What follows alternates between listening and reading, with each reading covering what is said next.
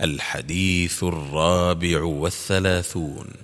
عن أبي ذر رضي الله عنه في خبر إسلامه قال قال لي رسول الله صلى الله عليه وسلم متى كنت ها هنا؟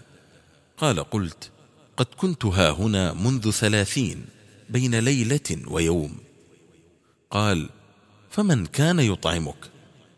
قال قلت ما كان لي طعام إلا ماء زمزم. فسمنت حتى تكسرت عكن بطني وما أجد على كبدي سخفة جوع.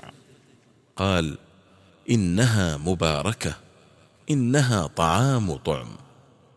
أخرجه مسلم.